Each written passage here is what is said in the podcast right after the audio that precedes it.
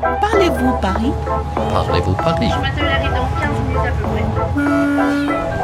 près. Parlez-vous Paris? Bonjour, je m'appelle Sarah, je suis américaine, je vis à Paris depuis 8 ans. J'ai un fils qui s'appelle Oscar, qui a 2 ans. J'ai des questions en termes de comment ça fonctionne, le garde des enfants,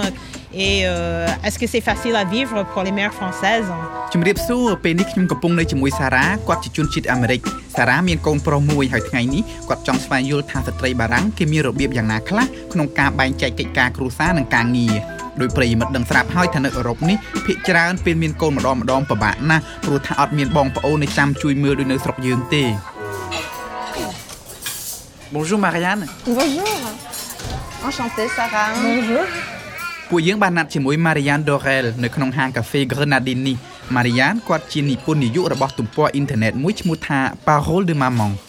នៅលើទំព័រនេះអាណាព្យាបាលដែលមានកូនតូចតូចៗគេអាចចែករំលែកបទពិសោធន៍គ្នាក្នុងការថែរក្សាកូនក៏ដូចជាការចាត់ចែងកិច្ចការប្រចាំថ្ងៃ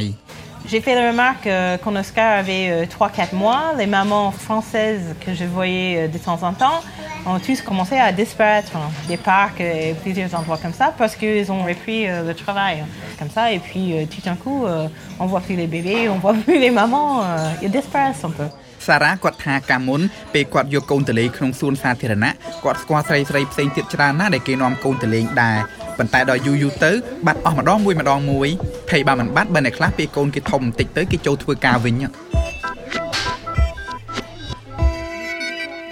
Vous pouvez expliquer combien de mois ça dure un congé maternité et comment ça fonctionne Donc euh, en France, euh, le congé maternité a une durée de 16 semaines pour un premier enfant. Normalement, quand l'enfant a deux mois et demi, il est, normalement, il est temps de reprendre la route du travail. En tout cas, le congé maternité payé à 100% se termine. តាមច្បាប់ស្រីស្រីនៅស្រុកបារាំងនេះមានសិទ្ធិឈប់សម្រាក16អាទិត្យបន្ទាប់ពីឆ្លងទន្លេដែលបារាំងគេហៅថា congé maternité បើគិតទៅមានន័យថាដល់កូនអាយុបាន2ខែកន្លះគេត្រូវចូលធ្វើការវិញហើយ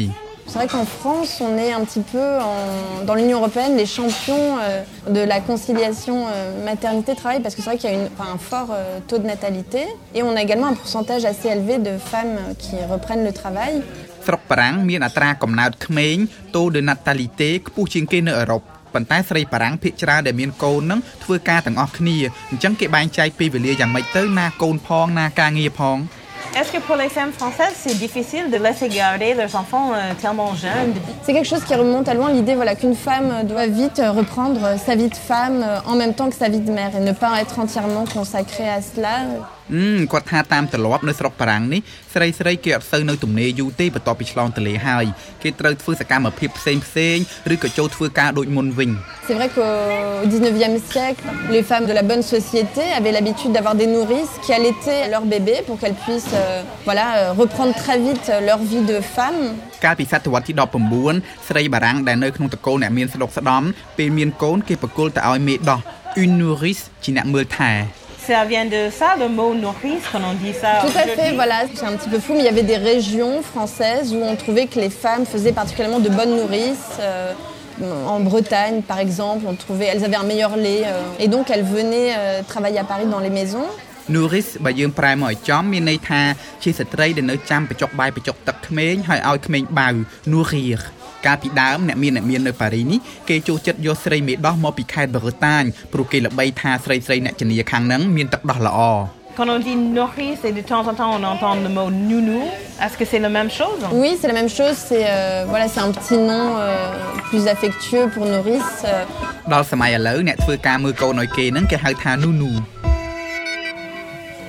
Je sais qu'il y a beaucoup de structures euh, possibles pour garder les enfants. Euh, il y a les crèches et puis il y a autre chose. Vous pouvez expliquer Voilà, c'est vrai que le système de base c'est la crèche, mais surtout à Paris, il y a très peu de places en crèche. C'est un mode de garde aidé qui dépend du salaire euh, des deux parents. គាត់ថាបើយើងត្រូវចូលធ្វើការវិញវិធីដែលល្អគឺយើងយកកូនទៅដាក់នៅទីរូបដ្ឋាន les crèches ប៉ុន្តែពេលខ្លះពិបាករកកន្លែងណាព្រោះថាពីណាក៏គេយកកូនទៅដាក់នៅនឹងដែរ Ensuite, bien sûr, on peut faire appel à, à des nounous, donc ça fonctionne sur la confiance. Par exemple, à Paris, c'est vrai que c'est très commun de voir des gardes partagées. Donc, ce sont deux familles qui partagent une même euh, nourrice pour s'occuper de leurs enfants. មិនអញ្ចឹងទេគឺយើងត្រូវជួលគេមកមើលកូនឲ្យយើងប៉ុន្តែត្រូវចំណាយលុយក្រៅបន្តិចហើយវិធីមួយទៀតដើម្បីកុំឲ្យអស់លុយច្រើនគឺយើងយកកូនទៅដាក់ជុំគ្នាជាមួយគ្រួសារគេផ្សេងទៀត La garde partagée អញ្ចឹងទៅគេអាចចែកគ្នាចេញលុយ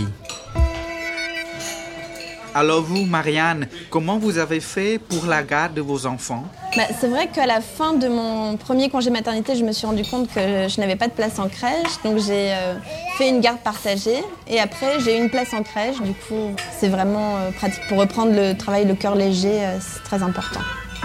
គាត់ថាទារុកថានៅប៉ារីនេះពេញពេញមិនងាយរកកន្លែងដាក់កូនបានទេ